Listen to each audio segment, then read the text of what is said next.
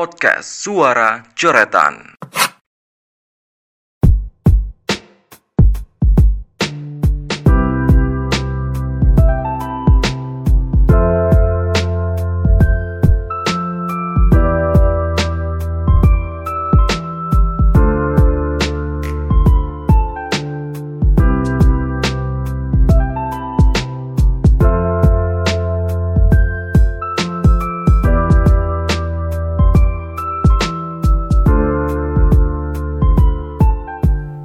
Halo, selamat datang di podcast Suara Coretan.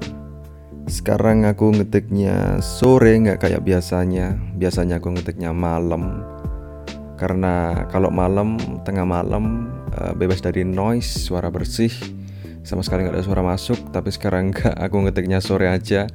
Karena sekarang aku eh, lagi bebas dari kebiasaan begadang, lagi nikmat-nikmatnya bisa tidur di bawah jam 11 dan aku nggak mau merusak itu. Jadi nanti kalau ada noise uh, sorry banget dan kayaknya kalian nggak bakalan dengerin noise-nya kalau nggak pakai headset. Dan uh, ditambah nanti aku tambahin background jadi noise-nya ketutup lah. Uh, sekarang episode monolog. Aku sempat mikir mau kayak gimana aku bawain episode monolog ini karena di episode monolog yang dulu yang udah aku tarik uh, di setiap setelah opening aku kan selalu bilang kalau aku pingin uh, ngungkapin apa yang aku pikirin, yang aku rasain tanpa harus peduli isi konten, tanpa harus peduli apa reaksi orang-orang yang dengerin. Ya padahal nggak ada yang dengerin. Uh, di situ kan aku nggak publish ke mana-mana, nggak aku promosin ke mana-mana. Uh, tapi pada kenyataannya setelah aku uh, setelah aku pencet tombol record uh, aku kayak seolah-olah langsung berubah jadi manusia lain yang memikirkan bagaimana caranya uh, ngomong yang sopan yang baik. Terus habis itu gimana caranya biar nggak ada orang yang kesinggung. Dan ujung-ujungnya setelah aku uh, ngomong ya biasa aja nggak ada rasa lega atau gimana. Padahal uh, episode monolog ini kan aku terinspirasi dari podcastnya Gilang Baskara yang nama podcastnya aja podcast biar lega. nah di situ Gilang Baskara bisa uh, ngomong ngomel seenaknya, ya nggak tahu aku ya uh, dia mikirin perasaan orang lain atau enggak. Tapi aku ngerasa di situ dia bisa lepas banget apalagi podcastnya Adriano Colby podcast awal minggu pas dia monolog dia bisa sampai ngetawain orang-orang yang dia anggap aneh dianggap lucu. Aku pengen gitu loh kayak gitu biar uh, episode monolog ini kan jadi uh, tempat aku buat gimana ya buat istirahat gitu loh. Aku udah uh, pusing udah susah-susah nulis cerpen dan aku pengen ada tempat buat istirahat uh, meluapkan semua sumpah serapahku tapi aku juga sempat mikir gini uh, aku agak takut uh, ngomong uh, ngomongin apa yang aku pikirin yang aku rasain. Karena bukan masalah menyinggung orang lain.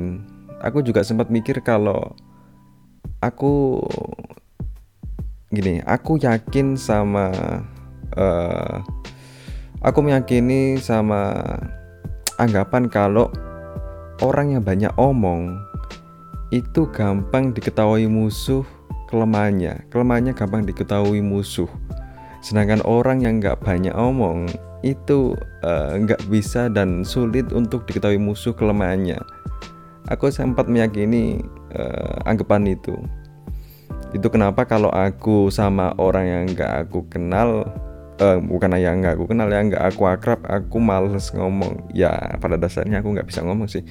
Tapi uh, aku sempat mikir gitu. Aku sempat mikir nanti kalau aku banyak ngomong uh, aku ngomong terus aku publish ke mana-mana banyak orang yang nggak uh, suka aku terus uh, punya selah buat nyerang. Tapi uh, aku memutuskan buat buat episode monolog aja kayak gini karena aku lu nggak ada musuh. Uh, aku nggak ada benci ke siapa pun ya ada sih mungkin dikit. Tapi uh, menjadi dasar buat aku ngomongin dia di podcast ini. Gitu loh maksudku. Terus uh, selain semua itu uh, hal yang aku paling takutin uh, buat ngomong sejujur-jujurnya selepas mungkin itu uh, ya kita tahu lah uh, berpendapat beropini mengungkapkan sesuatu di era sekarang itu udah beda sama era di presiden sebelumnya. Uh, aku nggak mau ngomongin politik dulu. Uh, maksudku karena banyak banget orang yang kesinggung terus memanfaatkan UU ITE terus uh, orang yang jadinya nggak menyinggung nggak ada niat buat menyinggung sekarang jadi bisa diproses secara hukum. Uh, yang paling ngebahas tentang ketersinggungan ini tuh Panji Pragiwaksono. Dia sering bilang kalau ketersinggungan itu sebenarnya bukan uh, diberikan tapi diterima. Jadi bukan kita yang memberi ketersinggungan rasa tersinggung tapi respon dia menerima uh, menerima ungkapan. Itu gimana? Santai aja atau tersinggung? Itu pilihan dia. Dan tersinggung itu nggak uh, bisa di nggak bisa dibuat-buat. Itu kan alami. Nah, tersinggung alami dan yang bisa dikontrol ya gimana responnya nanti. Apakah dia uh, bisa tahu maksudnya, terus uh, bisa nangkep kalau oh orang ini sebenarnya oh bukan berniat buat nyinggung aku, atau uh, merespon dengan wah kurang ajar, wong iki nyinggung aku. Wis. Langsung proses hukum aja. Itu kan uh, ada kesadaran ada uh, waktu buat mengolah gimana respon yang uh, yang dipakai gitu loh. Terus hmm, masalahnya biasanya orang-orang uh, menganggap kalau yang kena hukum, yang kena kasus undang-undang ITE itu orang-orang yang punya power, punya pengikut, uh, selebgram, artis itu yang kena uh, undang-undang ITE karena dia banyak yang dengerin, dia banyak yang uh, merhatiin, jadi rawan banget kena undang-undang. Sedangkan kita yang bukan siapa-siapa aman ngomong apa aja, dan itu uh, salah. Karena coba kalian lihat uh, artis-artis seleb-seleb yang di kolom komentar sosial medianya ada orang-orang yang uh, menghujat orang-orang yang menyinggung orang-orang yang menghina dia bisa dia kasuskan. Nah orang-orang yang menghujat yang menyinggung yang menghina dia di kolom komentar itu kan bukan siapa-siapa. Nah itu yang aku takutin. Aku bukan siapa-siapa tapi uh, peluang buat kena masalah ini tuh ada gitu loh tapi hmm, ya bodo amat lah dan yang bikin aku tenang uh, Panji juga bilang kalau podcast adalah platform paling aman dari kasus atau masalah kayak gini. Maksudku kasus yang sampai ke ranah hukum.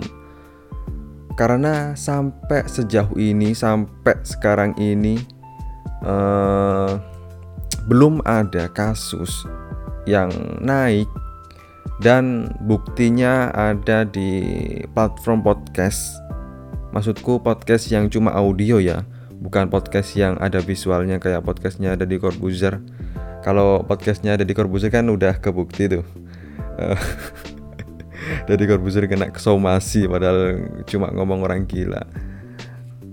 Kalau podcast yang cuma audio sampai sekarang belum ada yang kena masalah yang sampai kena masalah. Ya semoga aja nanti ke depannya nggak ada. Karena uh, mungkin pertama yang pertama orang yang dengerin podcast menurutku orang yang open minded apalagi yang didengerin podcastnya podcast surat. Sorry sorry.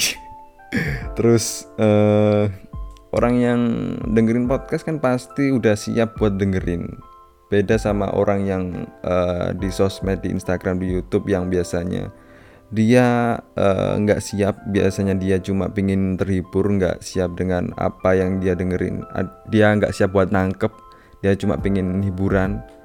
Tapi nggak tahu lah kenapa. Kok bisa sampai uh, sekarang ini nggak ada masalah nggak ada kasus sama sekali. Dan aku berharap uh, podcast akan seterusnya kayak gini. Ya meskipun sekarang semakin rame. Nggak tahu ya aku.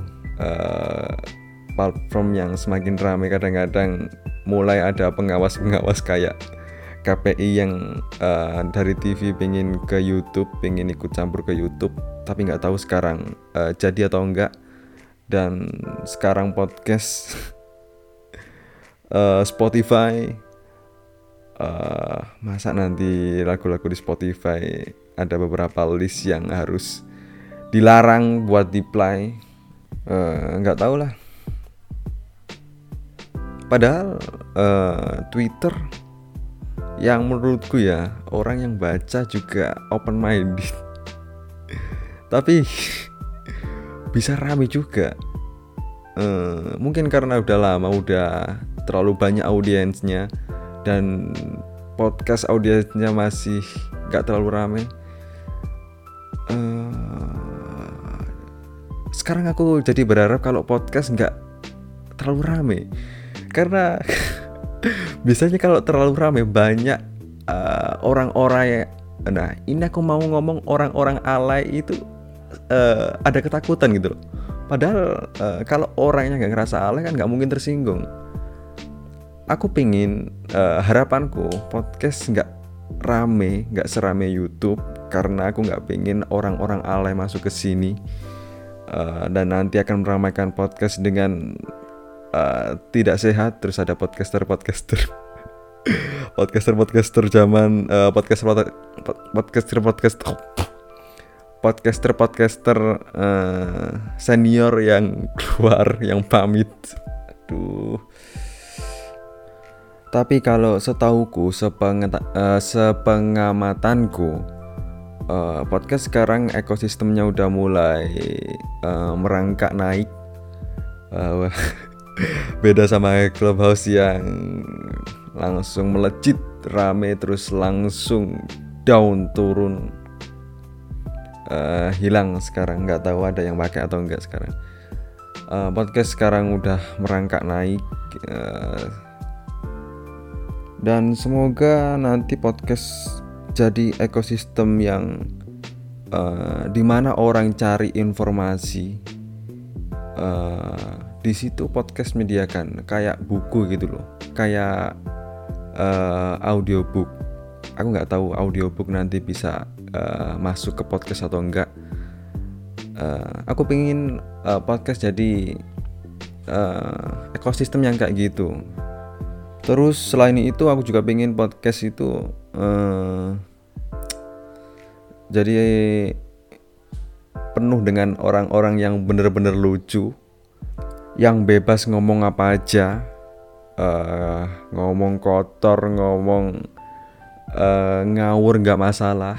Yang penting lucu uh, kayak podcastnya Mendoan Dono Pradana Gustian podcast Jawa terus uh, podcast. Anfaida podcast. Tapi sekarang udah nggak ada cover.